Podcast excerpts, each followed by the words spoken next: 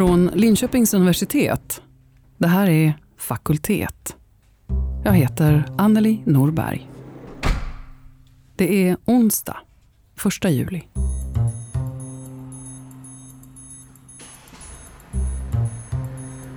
Den här vintern och den här våren så har coronapandemin verkligen gjort frivilligarbete till en grej för ovanligt många. Vi handlar till våra äldre. Vi har ställt om från industriproduktion för att istället göra ansiktsskydd och handsprit. Och vi fixar digital läxläsning och hemmagympass. Och för många har det här varit en ögonöppnare. Men så finns det andra som liksom har det här helt självklart i sig sen innan. Som bara ger sig iväg klockan tre en morgon. Som bara drar på sig mjukisbrallorna och springer. Och som pumpar livet tillbaka i livlösa kroppar. Och som sen går hem och fortsätter med sitt. Oline Brors är en sån. Hon är 23 år, student i Norrköping och så kallad sms-livräddare. Och här ser man ju då även de här gröna prickarna med siffror i är ju antalet hjärtstartare i det området. Så om vi tycker här på industriområdet. I fakultet idag, vem räddar räddningstjänsten? Så kan vi se att det finns hjärtstartare vid eh, ja, Linköpings universitet till exempel. Den är på klinikum. Sen har vi även en här borta vid eh, Kopparhammaren. Ytterligare en vid... Eh, nu i helgen när jag skulle eh, gå in till stan där det var en kille som faktiskt låg medvetslös på gatan. Eh, och då, alltså jag vet inte om det ligger i att man pluggar till sjuksköterska men då agerar man ju direkt. Eh, och då frågade ju larmcentralen när jag ringde 112 om jag visste om den här personen hade corona och det tänkte man ju på i efterhand. Man bara just det. Så jag bara nej, inte vad jag vet. Så, det skulle jag ju ha tänkt på. Men nu hade ju den här personen puls så jag behövde ju inte utföra hjärt-lungräddning som tur var. Men eh, det är ju också sånt som man kanske inte riktigt tänker på i det akuta skedet när man är på stan. Att man tänker att ah, men den här personen kan vara smittad jag så medvetslös och tänkte jag jag måste agera nu och så då hann inte jag reflektera så mycket. Det kanske är dumt nu i efterhand men samtidigt så när man är i en sån situation så kanske man tänker mer på en annans liv än, än sitt egna i en sån situation. Verifiera den ens pos position allt eftersom om man förflyttar sig eller något liknande. Och eh, det är också den här tiden som man kanske kan hinna förbereda sig rent mentalt eller klä på sig eller ja, något liknande. Och sen när man väl kommer fram till hjärtstoppet så, eller har utfört det. SMS Livräddare det är ett nätverk som har funnits i ungefär fem år och som nu har fler än 50 000 frivilliga livräddare runt om i Sverige. Och alla är uppkopplade till en app som i sin tur är kopplad till SOS Alarm. Så, så ser det ut. Det jag har märkt är ju att det har blivit lite mer striktare just när det kommer till hjärt-lungräddningen. Där man tidigare har eh, predikat om att man ska göra två inblåsningar i samband med kompressionerna. Ehm, och nu är det ju lite annorlunda med tanke på att just när coronaviruset sprids ju ja, men via slemhinnor och, och vissa språkar ju om att det också sprids via luft. Så det är väldigt eh, Alltså det, nu är det lite striktare på den delen. Att man bara ska göra eh, hjärt, alltså kompressionerna. Har det blivit färre larm? Märker du det? Ja, alltså det plingar ju inte så mycket i telefonen numera utan det, det har faktiskt trappat av lite granna. Eh, och det kan kanske ha att göra med corona. Jag vet faktiskt inte riktigt. Eh, jag har inte hört ett enda larm på kanske fem dagar. Och det brukar ändå plinga var och varannan dag nästan. Om det är riktigt illa.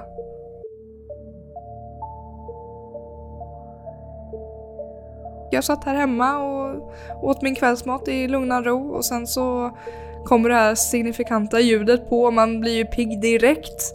Och så såg jag att det bara var ett par hundra meter ifrån så tänkte jag ja men jag chansar liksom. Ja, jag är tillgänglig. Jag, ja, jag kör.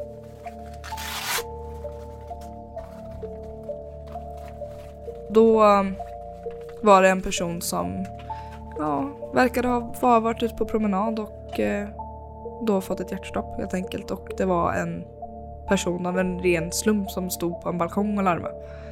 Och ja, då fick man ju en adrenalinkick och ja, det var riktigt sjukt om man får säga så.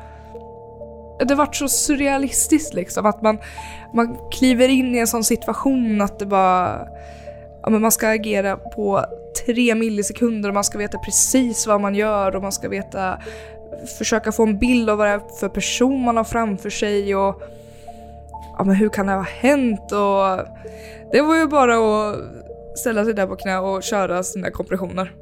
Eh, och jag gjorde väl det kanske i en och en halv minut tills dess att ambulanspersonalen kom. Och eh, de var ju evigt tacksamma för det. För det handlar ju om sekunder när det kommer till ett hjärtstopp och det, det är väldigt avgörande. Och jag fick ju många klappar där på axeln och de var väldigt tacksamma och jag kan tänka mig att om den här personen klarar sig, vilket jag verkligen hoppas att den gjorde, så tror jag nog att den personen också är väldigt tacksam för den där en och en halv minuten som jag faktiskt var tillgänglig.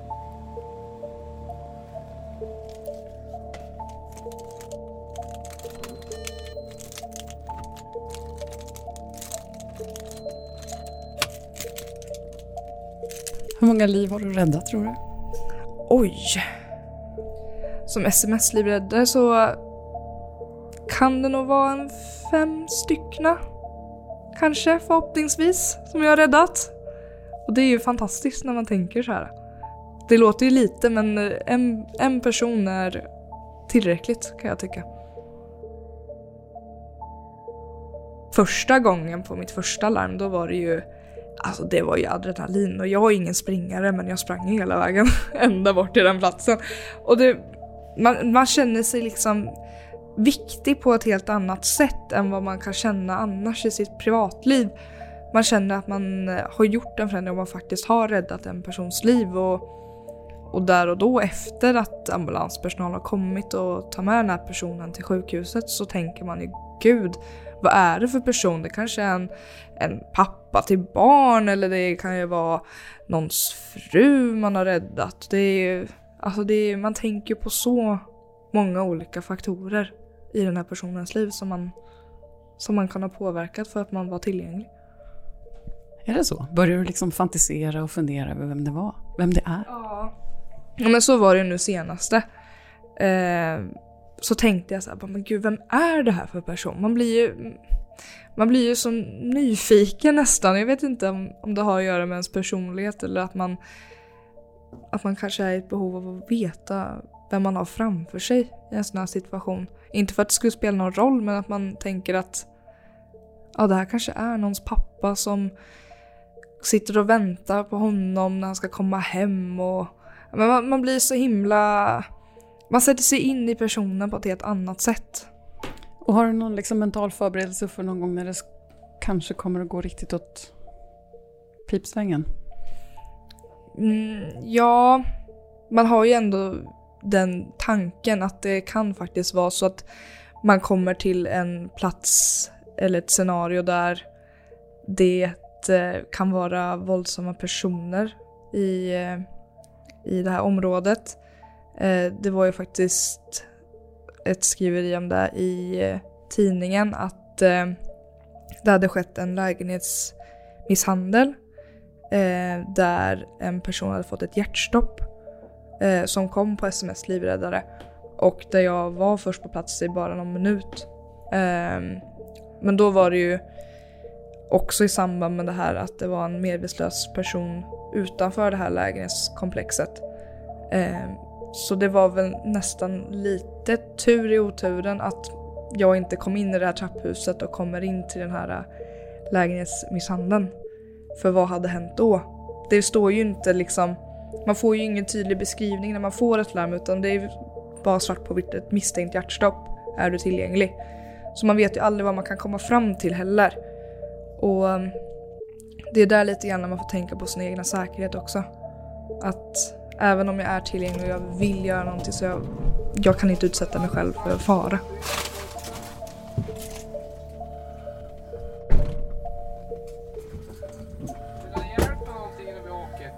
Hej, vi rullar. Vi rullar direkt. Ja, inga problem. Eh, har vi fått en avdelning? Ja, var det inte så att vi skulle till GAPA? Ja, Okej, ja då så. 14. Det blir jättebra. 14. Då rullar jag. När polis, ambulans och räddningstjänst kämpar med resursbrist, ja då krävs mer av oss andra. Vid singelolyckor, eller bilbränder, eller hjärtstopp så är det faktiskt inte helt ovanligt idag att det är en frivillig privatperson som är först på plats. Särskilt i vissa socialt utsatta områden. I ett samarbete med Södertörns brandförsvarsförbund i Södertälje och Botkyrka så har Linköpings universitet utvecklat och håller just nu på att utvärdera ett projekt där frivilliga väljs ut och tränas för att kunna klara av att vara först på en olycksplats. De kallas civila insatspersoner men är helt vanliga grannar och pappor och fotbollstränare och pensionärer. Och de blir allt viktigare för att ta hand om olyckor och förebygga dem. Blir vi tryggare av det här? Blir det färre bränder? Och kan vi rädda fler liv? Det är frågor som Sofie Pilemalm forskar om. Hon är professor i informatik vid Linköpings universitet och en del av det här projektet. Och hon berättar om engagerade och modiga människor. Det är människor som vill göra skillnad, som gör en insats, som är väldigt engagerade i sitt närsamhälle. Eh, så. Mm, tittar man liksom mer på, på, på, på landsbygd och så som vi har gjort tidigare, då handlar det mycket om att man vill bevara landsbygden, man vill liksom motverka en utveckling där skolor läggs ner och liksom bensinstationer läggs ner och sådana här saker. Liksom, att man vill skapa liksom någon slags eh, motkraft till det här. Och i de här, om man får se utanförskapsområdena då, då har det ju handlat väldigt mycket om att men liksom helt enkelt att det har varit hög kriminalitet, det är bilar som brinner, det känns inte säkert, man vill ha en säkerhet. Men de flesta som bor där, 99,9 procent, vill ju ha en trygghet. De vill ha en säkerhet, de vill inte att deras barn ska behöva gå förbi brinnande bilar på morgonen på väg till skolan. Och det här har varit ett sätt att liksom, dels då ja, men att öka tryggheten genom att kanske bara finnas där och patrullera och gå runt. Och sen då om någonting händer att brin- bilen ändå brinner, då ska man ju snabbt då kunna släcka. Det är områden där det är hög kriminalitet, det är väldigt många larm, det har varit väldigt många bilar som brinner i perioder. Och det vill man inte, man vill bort från det. Det här kan vara ett sätt av många. Vilka är de då?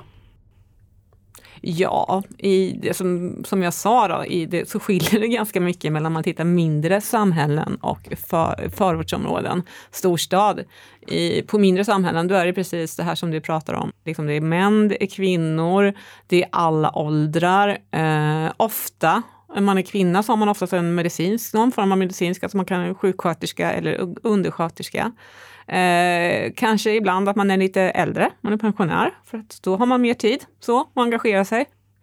Eh, I förortsområdena har det väl varit in, sett lite annorlunda ut. Det har varit lite svårare att rekrytera från början och den största skillnaden är att det är ju enbart män idag då, som är civila insatspersoner. Är det bara de som är intresserade? Av... Nej, när det gäller att man rekryterar och visar intresse så har det varit eh, även kvinnor som har har visat intresse. Men sen när det gäller att liksom få den här utbildningen, faktiskt utrustas och åka på larm så har inte det liksom realiserats då. Men man har tagit ett omtag i, i det här initiativet nu då och eh, liksom aktivt då rekryterat kvinnor. Så man hoppas liksom att man ska kunna vända det här då på, på sikt. Då. Man visar intresse men man åker inte på larmen?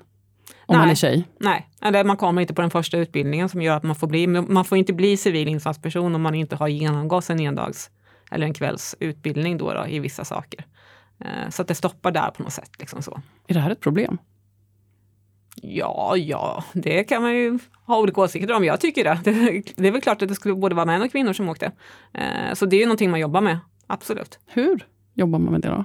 I början märkte man att det var lite svårt att liksom sprida information om det här initiativet. Och det här är ju områden där man inte kan utgå från att alla pratar svenska.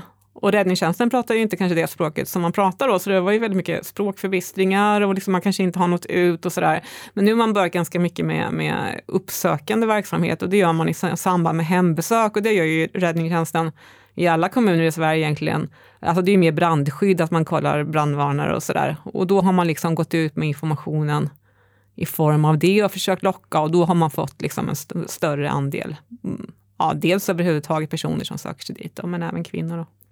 Men vad beror på, tror du, att kvinnor inte, ja, att de inte kommer till kursen? Kan man ju bara spekulera om, men det absolut, det kan ju vara alltså, kulturella orsaker. Det, det, det, man ser liksom när man har intervjuat och sådär att, att både de här insatspersonerna själva och räddningstjänsten har sagt att kan, är det så att man lyssnar på en kvinna som, som ska backa en folkmassa och sådana saker, liksom, att det, det handlar mycket om att backa, hålla folk på avstånd och sådär. Liksom. Men det vet vi inte, men vi kan bara spekulera. Mm. Vad kommer att hända då? Blir det fler tror du? Ja, de har ju utbildat fler nu, så vi får hoppas det. Absolut. Och så, alltså, vi hoppas ju också att det här, det här är ett initiativ i Stockholm, men det är i Södertälje och Botkyrka. Vi hoppas ju att eh, fler städer tar efter. Eh, nu finns det ju liksom ändå ett koncept då, som är utvecklat och vi, vi, vi, vi tror oss veta lite om vad är utmaningarna, men liksom, vad är möjligheterna med det här? Vad ska man tänka på när man gör det här? Så då kanske det blir lättare liksom, för nästa kommun då, eller stad som vill göra liknande. För varför är det viktigt då? I just de här områdena, skulle du säga? Ja, men det är viktigt i alla områden i Sverige, men eh, just i de här, ja, men det som jag sa, det här med att, att försöka som vända utveckling och skapa trygghet. Och sen är det här områden där det händer väldigt, väldigt mycket. Det är väldigt, väldigt många larm. De får många larm. Om man är en civil insatsperson kan man få flera larm på en dag. Om du jämför med till exempel en glesbygd i Norrland kanske du får ett, kanske aldrig får några larm, kanske får ett larm på sex månader eller två år. Liksom sådär. Eh, så att eh, det är ju på något sätt liksom att eh, det händer mer och mer saker. Vi har ganska ansträngda räddningsorganisationer, offentlig sektor överhuvudtaget, det vet vi ju, det är ingen hemlighet. Så vi måste ju liksom på något sätt göra det här tillsammans och, och, och, och använda oss av frivilliga. Då, så att. Och det är det här att det är fler larm, större utsatthet, det som gör det speciella i de här områdena. Du var inne på mm. språk, har det någon betydelse? Ja, det är svårare för räddningstjänsten att eh, till exempel, nu är det ju mycket räddningstjänst, det kan vara ambulans också eh, så eh, i de här, man åker på de här insatserna. Det kan vara polis i vissa fall också. Då, men det, ja, det är mycket språkförbistringar. Det finns eh, ett citat som jag har liksom, eh, från eh, data som jag tycker är väldigt talande. Och då är det en civil insatsperson att det första gången han bestämde sig för att han vill göra det här, då var det ju alltså ett hus som höll på, alltså det brann i ett hus. Eh, och då började ju människor eh, liksom så här, försöka hoppa. För att liksom, eh, det tror alla, att man, man tror att liksom, när det börjar brinna ett hus så brinner det ner till grunden, för vi har allihopa sett för mycket amerikanska filmer. Men det gör det inte egentligen av när de är byggda med svenska material, men det tror man. Så folk började liksom hopp, så här, liksom kasta sig ut för balkongerna och räddningstjänsten försökte kommunicera, men man förstod inte varandra. För det var liksom, man talade inte samma språk. Och då kände den här personen, herregud, här behövs ju en tolk. Liksom. Jag måste ju hjälpa till. Så, så ja, precis. Är det många sådana här vittnesmål? Liksom om, då förstod jag att jag ville göra en insats eller det ja. var den här händelsen som skapade, liksom, triggade ja, mitt intresse. Ja, de som vi har pratat med säger ju att det är precis sådana, sådana, sådana saker. Så, eh. Är det mindre grad av tillit? Ja, till myndigheter är det. Det är, alltså, det är därför vi har en del av den här kriminaliteten och så från början. Att det finns en mindre tillit till kanske polis då till exempel. Så. Mm. Och det har man väl också tänkt, sett då från, kanske från räddningstjänstens sida att eh, ibland ofta är det så bättre att ha en civil insatsperson, se att det hänt någonting och man ska backa liksom. Det samlas massa människor, det gör det ju alltid när det händer någonting så. Eh, då kanske det är bättre att ha en civil insatsperson som försöker eh, backa folk och prata deras eget språk eh, än att ha polisen som gör det liksom sådär. Så det är en sån här typisk grej. För det kan ju också uppfattas väldigt provokativt. Ja, precis. Absolut. Och man kan, liksom, kan man språket så kan man säga nej men backa bort från den här bilen för det, den här röken eh, den, den är cancerogen. Andas in den så liksom får en ökad risk för cancer. Eh, det förutsätter att man kan kommunicera. Så att, ja, precis sådana här saker. Och det där har ni sett alltså, att det har ökat eh, graden av eh, liksom, kommunikation och, och, och tillit och alltså bryggor? Ja, ja, alltså det här är ju som sagt, det här är ju ett initiativ som är på gång, så det är väldigt svårt att säga så här, långsiktiga konsekvenser. Men det vi har sett, det är ju precis som du pratade om med den här tjejen som var sms-livräddare, och det är ju att man räddar liv framför allt. Ja, men jag åkte på ett hjärtstopplarm. Det var, liksom, det var i mitt hus, det var fem våningar upp. De sa att personen andades inte. Jag sprang för alla trappor och körde hjärtundrängning och han kom igång och sen kom räddningstjänsten. Jag menar, de, de är så nära. De kan vara snabbare liksom än räddningstjänsten. Så. Eh, så det handlar ju också mycket om sådana saker. Det är ganska viktigt att säga att det här handlar om att vara först på plats, men att inte ersätta räddningstjänst eller ambulans. Mm. Absolut, det är jätteviktigt. Man får aldrig ersätta. Det här man brukar kalla IVPA i väntan på ambulans eller IVPR i väntan på räddningstjänst. Man ersätter aldrig, man kan göra en första insats medan de professionella resurserna är på väg.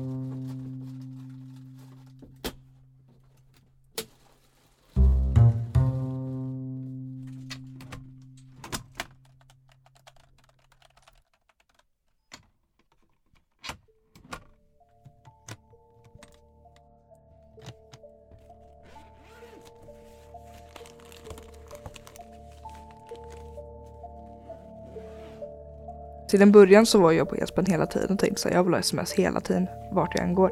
Men sen när jag väl, eh, alltså man har varit med och varit, haft den där appen ganska länge så blir man så här, ja, någon gång ibland är det lite kul.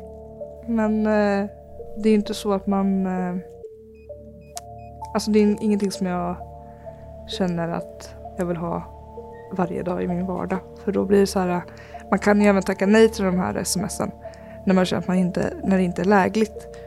Eh, men man vill ju helst inte göra det. Första smset var skitjobbigt att släppa för att det var en väldigt eh, udda situation. Eh, där det var många inblandade. Eh, så därav kunde jag inte släppa det och det följde mig säkert ett par dagar. Men sen vid tidigare tillfällen så men då har det ändå då har det ändå funkat så att man går för platsen och känner att ja men nu har jag gjort mitt. Eh, det är ju, antar jag är från person till person för vissa personer som jag pratat om eller pratat med om det här har haft väldigt svårt att släppa. Men det är också att man har ju säkert aldrig varit utsatt för den här situationen förut och det är ju en väldigt knepig situation. För att man väljer själv att vara i den här situationen. Det är ingenting man kan Alltså ingenting man, man kan ju välja men sen när man väl har valt att vara i den situationen så är man i den situationen. Som man kanske helst inte skulle vilja. Sms-livräddar i det kanske? Gud, man kan välja en profilbild. Det tänker jag inte. Jag är ju till och med certifierad sms-livräddare. Är du? Ja. Ja, men det är väl för att du har sprungit och Man är, man kanske är 20 meter från platsen där de har larmat att det är ett hjärtstopp. Då är det väldigt tacksam att någon faktiskt kan påbörja eh, innan räddningstjänsten kommer. Men också så kan man tro att det kan vara väldigt det kanske blir en liten konstig situation för dem också när det är liksom en utomstående som startar HLR hur ska den här personen reagera på hela händelsen? Man vet ju inte heller hur, hur man som privatperson skulle reagera. Det kanske kommer fram till plats och så är det liksom det kan ju vara en anhörig till dig eller en kompis till dig eller någon som du känner som har fått hjärtstoppet. Hur reagerar man själv då? Och då är ju ambulanspersonalen som ett litet ansvar kan jag tänka mig att de måste ju ta hand om den parten med som har blivit drabbad. Så det blir ju lite, ja, jag tror att de uppskattar det för att det är chansen att man räddar liv är högre men samtidigt att man inte vet vem man möter. Men ofta det inte finns någon på resecentrum. Det finns ju på Hugo. Nej men det är Hugo. Tar det längre innan de professionella resurserna kommer just till de här socialt utsatta områdena? Jag skulle säga nej, eh, inte lika mycket som på landsbygd. På landsbygd kommer ju alltid de civila insatspersonerna först, för det är jättelångt till räddningstjänst och polis och ambulans. Inte här lika mycket, ibland, men inte alltid. Därför att det går fler larm, det finns eh, liksom, fler räddningsresurser, det är som kortare distanser. Så ibland, men inte alltid. Och det kan vara lite också av ett, har blivit liksom lite av ett dilemma. För att åker man på det här då vill man ju gärna vara först. För att har räddningstjänsten redan kommit dit, vad ska jag göra då? Liksom så. Eh, så man är inte riktigt nöjd med om räddningstjänsten kommer före. Alltid. Men det där kan man lösa, tror, man, tror vi tekniskt då, med hur man löser upp den här radien och i, i den här appen som finns för att, för att larma ut de här personerna. Men om du skulle summera med stora penseldrag, vad, vad är det mest eh, intressanta här och vad kan man ta med sig till någon annan kommun? Ja, men jag tycker att det mest intressanta är att man faktiskt kan rädda liv. Alltså det måste ju vara det mest intressanta, tycker jag. Och det är väl de effekterna det, man, det är de effekterna man ser ganska snabbt och direkt, att man faktiskt gör en skillnad, man är på plats, man gör en insats. Det här med att man liksom ska patrullera och liksom öka trygghet och så här, det har, man liksom inte, har vi inte sett lika tydligt än. Men det är mycket möjligt att det kan bli så. Men liksom det ser man, liksom, det är mer att bygga långsiktigt. Så en effektiv respons har ju varit det viktigaste i de här områdena också. Och det handlar ju inte bara om rädda liv, det kan också handla om att att eh, alltså, vi säger rädda restvärlden som vi säger. Nej men alltså till exempel om, en, om det brinner i en, det är mycket anlagda bränder på skolor och det brinner i papperskorgar och sådär. Men om man då, då kan släcka det här, de har ju väldigt små då, bärbara handsläckare, innan, alltså släcka den direkt, då hinner den inte sprida sig. Då slipper vi att hela skolan brinner ner och sådana saker är ju också otroligt viktiga och det har vi sett. Det händer ju inte en gång, det har ju hänt många gånger. Jag tror det var någon som vi, vi intervjuade, det var också det första larmet den personen åkte på och han trodde att ja, men de testar bara mig, liksom så här. Och det här är testlarm, och så brann det i en papperskorg på någon skola eller någon vårdcentral eller något. Och då släckte han den. Räddar vi fler liv då? Alltså det där, ja det tror jag att vi gör, men alltså det där är otroligt svårt att mäta. För jag menar, eh, det som räddar liv, då är det ju främst då, då är det hjärtstopp. Eh, och hjärtstopp är ju så otroligt kritisk eh, tidsfaktor, så tyvärr så, så dör ju de flesta som får ett kraftigt hjärtstopp. Så. Och då är det väldigt svårt att mäta i termer av räddade liv. Men det man kan se, jag, jag tror faktiskt att man har sett i sms-livräddarna att det är fler personer i Stockholm, mycket fler personer som får hjärt och lungräddning idag än innan det här initiativet. Så då får man ju möta på det sättet. Liksom, sådär. Då ökar i alla fall chanserna. Ja, precis. precis.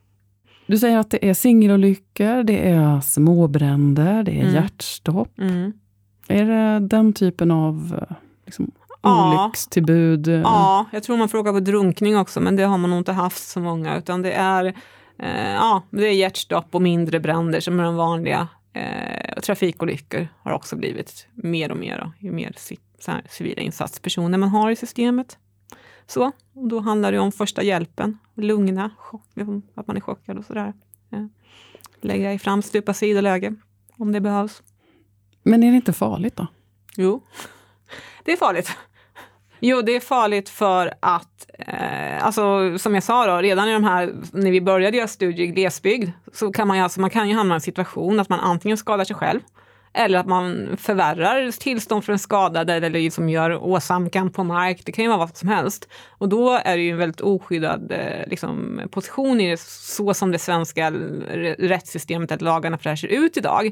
Eh, så när man började titta på det här då, då, då liksom hade man inte ens liksom riktigt koll på försäkringar och sådär. Men liksom, det är nog hemförsäkringen som gäller. Och sen så insåg man att man måste kolla om folk har en hemförsäkring som täcker. Och nu är räddningstjänsterna löst det här genom att teckna eh, kollektiva försäkringar för sina eh, civila insatspersoner. Men det i sin tur kräver att du har en räddningstjänst som är ganska stor och har mycket resurser. Och det har ju den här räddningstjänsten, det är en av Sveriges största. Men det, det är ju klart att alla räddningstjänster har inte det. De flesta är ju små och har jättesmå budgetar. Liksom så.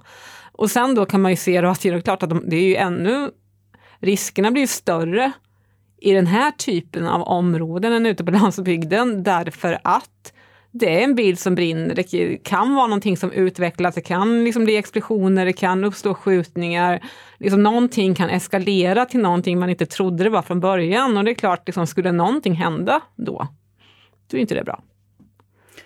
För du pratade tidigare om att backa en stor folkmassa till exempel. Mm. kan ju också eh, starta en massa konflikter. Ja, absolut. Det har inte gjort det som vi har sett än, men det, det är ju en risk. Och det är därför vi ser med att de, de har ju det som ett, ett informationstekniskt stöd eller en app som finns liksom installerad i mobil, sina mobiler som gör att de larmas ut då, via räddningstjänst och vid SL-larm och sådär. Och där ser vi väl att där skulle man behöva ha någon slags Uh, withdrawal säger man ju på engelska, alltså att man drar tillbaka resurser om man får information liksom, på väg till skadeplats. Aj, det här håller på att bli någonting annat än vad vi trodde att det var, så du ska inte åka på det här. Liksom. Hejda, stoppa, ja. åk inte dit. Nej, precis. Så den uh, funktionen finns inte just nu? Nej, den finns inte just nu, men den tycker vi absolut ska finnas i framtiden. Men, men vad krävs det för egenskaper egentligen då, för att man ska passa för det här uppdraget? Nej, men det, alltså, det är precis som du har sagt, liksom, engagerad. Eh, liksom vilja göra någonting för sig själv, sina medmänniskor. Men sen så krävs det ju också tid. Du måste ju alltså det, som, åka på de här larmen. Det är därför man ser, har sett i tidigare projekt på landsbygden att det är mycket pensionärer, för de har mer tid. Det blir liksom det, det blir något att engagera sig i. Det är klart, liksom, är du liksom mitt i livet med fyra barn och liksom alla aktiviteter. Eh, sådär. Och det har vi, har vi sett också, att man åker när man har tid, men är man liksom kanske med barnet på fotbollsträning, då kanske man inte åker. Och man kanske inte åker, det har vi också sett i förort, att eh, man åker om det är nära, men om det är, liksom, det är man måste ju vara fem kilometer eller närmare, men är man fem kilometer ifrån kanske man i högre utsträckning väljer att inte åka då, än om det är precis intill. Men ni har inte att folk säger jag väljer att låta bli för att det där området känns eh, liksom, obekant för mig eller jag tyckte det kändes obehagligt? De har, alltså, jo, ja och nej. Alltså, det är ingen som, som har sagt det rakt ut, men ett problem eller en utmaning skulle jag säga i de här områdena, vilket är ganska naturligt då, eftersom det är storstäder eller liksom nära storstäder, eh, till skillnad från landsbygd där alla känner alla i den lilla byn, det är att det här engagemanget har blivit ganska individuellt eftersom det liksom initialt var ganska svårt att få tillräckligt många i systemet som åkte. Då åker man ensam och det är ju inte jättebra för att då kanske man, det kan ju vara ett motstånd mot att åka, det kan man ju tänka sig själv. Liksom. Ja, men jag åker ensam på ett hjärtstopp eller på en trafikolycka och jag vet inte vad jag kommer få se. Och det är en jättestor skillnad mot om man tittar som på tidigare glesbygdsstudier till exempel. Liksom att där åkte ju alla som var civila insatspersoner i hela byn på varje larm. Liksom, så här, typ. Man åkte ju 8 eller femton, liksom, så där, vilket också kan vara ett problem. Men så det är en jättestor utmaning, att man måste liksom bygga ihop det här på något sätt, göra det till kollektivt, att man åtminstone åker två.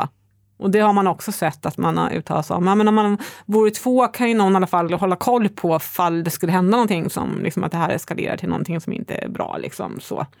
Åker man ensam så är man väldigt utsatt. Då. Det låter ju som att det är ett svårt projekt, att det borde finnas en massa svårigheter. Och... Ja. ja, men det är det absolut. Det är, det är mycket utmaningar. Precis det här som jag sagt, liksom, att få det att rulla. Det är en jättestor skillnad. Om du tittar liksom på, jag menar det här konceptet har ju funnits liksom på glesbygd och landsbygd ganska länge nu, ändå som, ja, 2014, 2015 någon gång. Och där har det ju varit tvärtom, liksom, det var ju bara liksom anstormning så liksom, och engagemang över tid och man har köpt egen utrustning och man har varit väldigt aktiv. Och här har det varit lite trögare. Eh, så. Man är mer benägen att åka och hjälpa någon som man vet vem det är eller känner. Och i de här till exempel byar i Norrland så känner alla alla. Om du får eh, liksom, fastighetsbeteckningen på larmet så kommer du veta vem det är som är drabbad. Liksom, sådär. Och då blir det liksom ett större incitament för att åka. I städer känner man inte varandra på samma sätt. Så det tror jag liksom är en förklaring. Men man kanske känner de som bor i samma ja, hus absolut. och i, i, precis det här kvarteret, det här mm. området. Ja, Där känner ja. man ju varandra. Ja, men alltså, det ser vi också här, att, som jag sa, man är mer benägen att åka när det händer väldigt nära, som det här exemplet jag sa, liksom, samma liksom, lägenhet. Mm. Men när det är fem kilometer bort på en trafikerad led, då kanske det inte är lika och speciellt om man då kanske vet att amen, nu, om det är fem kilometer bort kommer förmodligen räddningstjänsten hinna före. Ehm, men är det inte liksom modet också som hos de enskilda, liksom, ja, som också absolut. är en eh, svår nöt att knäcka. Ja, absolut. Jo, men det är ju modet. Eller liksom att man, att man inte avstår för att, man, för att man är rädd. Och det är ju ganska naturligt att man skulle kunna göra. Det skulle man kunna tänka sig för, för, för egen del. Liksom så. Det krävs mod för att göra det här. Eh. Och, Attraherar det någon särskild typ av person då? Eh, kanske lite i de här miljöerna. Men, finns ju andra typer av samarbeten. Det är väktare som åker också på, på den här typen av larm. Eh, och då, det är ett helt annan typ av samarbete, för det är ju reglerat i avtal mellan olika arbetsgivare och så här. Och där ser man väldigt tydligt, eh, kanske en viss typ, att liksom det är lite amod, och lite, det är status, det är lite macho, man kanske ville, hade velat bli brandman egentligen och då vill man åka på allting. Liksom. Så det, det, det, det, mm, där ser man väldigt det här, tydligt det här. Men just när det gäller civila insatspersoner så är det mer här, eh, den här goda kraften i, sam, i samhället, i lokalsamhället. Ja, Mm. Blir vi tryggare av det här?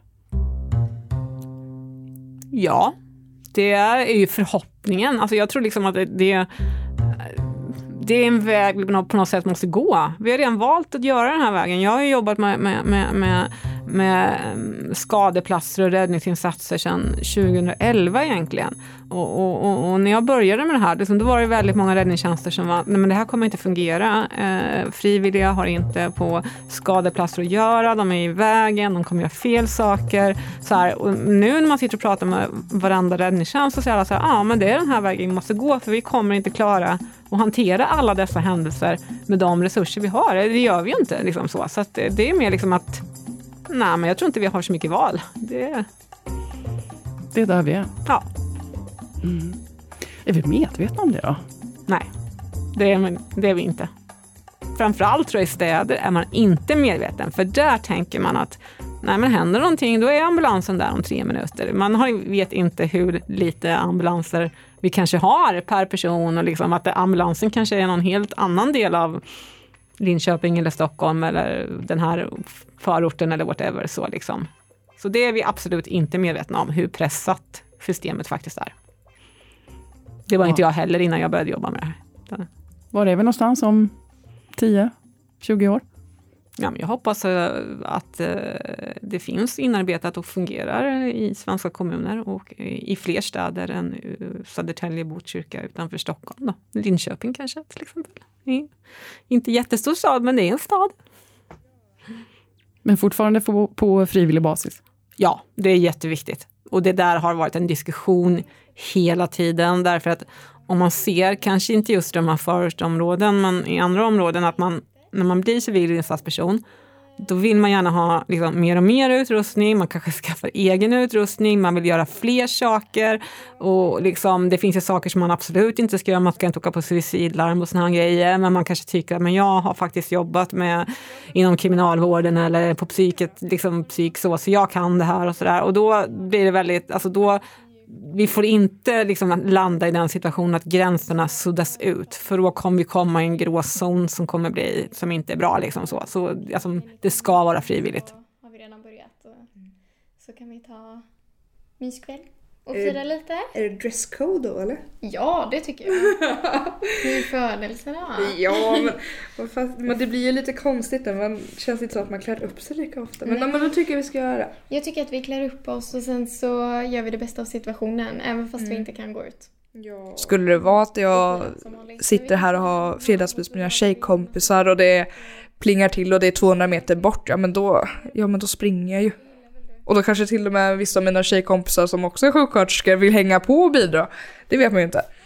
Men ja, man får ju dra den här rimlighetsgränsen att avståndet har mycket med att göra. Ja, men varför inte? Men det är du... Min gr- största gräns är ju liksom tidpunkten på dygnet. Det har ju hänt flera gånger att man har vaknat av den där äh, väldigt karaktäristiska signalen, för den går inte att missa. Och är det inom ja, men, 100 meter eller 150 meter då absolut, då kan jag ju liksom dra på mig mjukisbyxorna snabbt och bara springa. Men är det de här 6, 7, 800 meterna bort, då känns som att då kommer ambulansen ändå hinna före mig. ja. Nej men jag, jag tror Mimmi börjar... Jag vet att när vi hade after work eh, tillsammans med den avdelning som jag jobbar på, jag jobbar på en avdelning på sjukhuset, eh, en strokeavdelning, så då hade vi after work. Eh, och det var lite så här, det är ju lite kul för folk kommer ju fram så här, de hör ju att vi pratar om, alltså om vår, vårt jobb och allt sånt där, så det är väldigt specifikt. Då är det lite kul att det kommer fram så här, anhöriga som kommer fram. Åh gud vad kul att man ser liksom att ni också kan ha lite kul för att vårt jobb är ju ganska krävande. Så det är alltid folk som kommer fram och hälsar och pratar med oss. Eh, och sen så får ju då alla ett sms från SMS Livräddare. När vi sitter här i långbord, vi är ju alltså 12 pers. Och det är ju lite, lite kul, en liten så här uh, anekdot att tillägga då att alla har ju den här appen så det låter ju så in i helvete i hela restaurangen alltså. Så det är ju det som är lite så här, eh, det kan ju vara lite det roliga i det här, i det här allvaret, att man kan sitta på en afterwork, man sitter och tar ett glas vin och sen så får alla det här smset samtidigt som man ser ambulansen svischa förbi fönstret, alltså ute. Och det är ju lite, lite kul, för det är också så här, ja man slängs in i något så allvarligt när man sitter och till exempel bara har en afterwork eller en tjejmiddag liksom.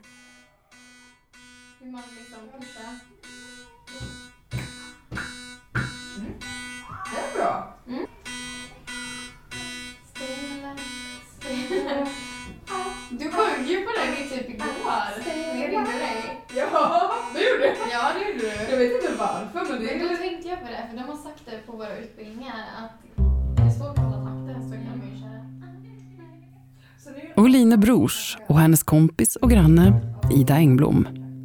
Båda läser sjuksköterskeprogrammet vid Linköpings universitet och båda är sms-livräddare.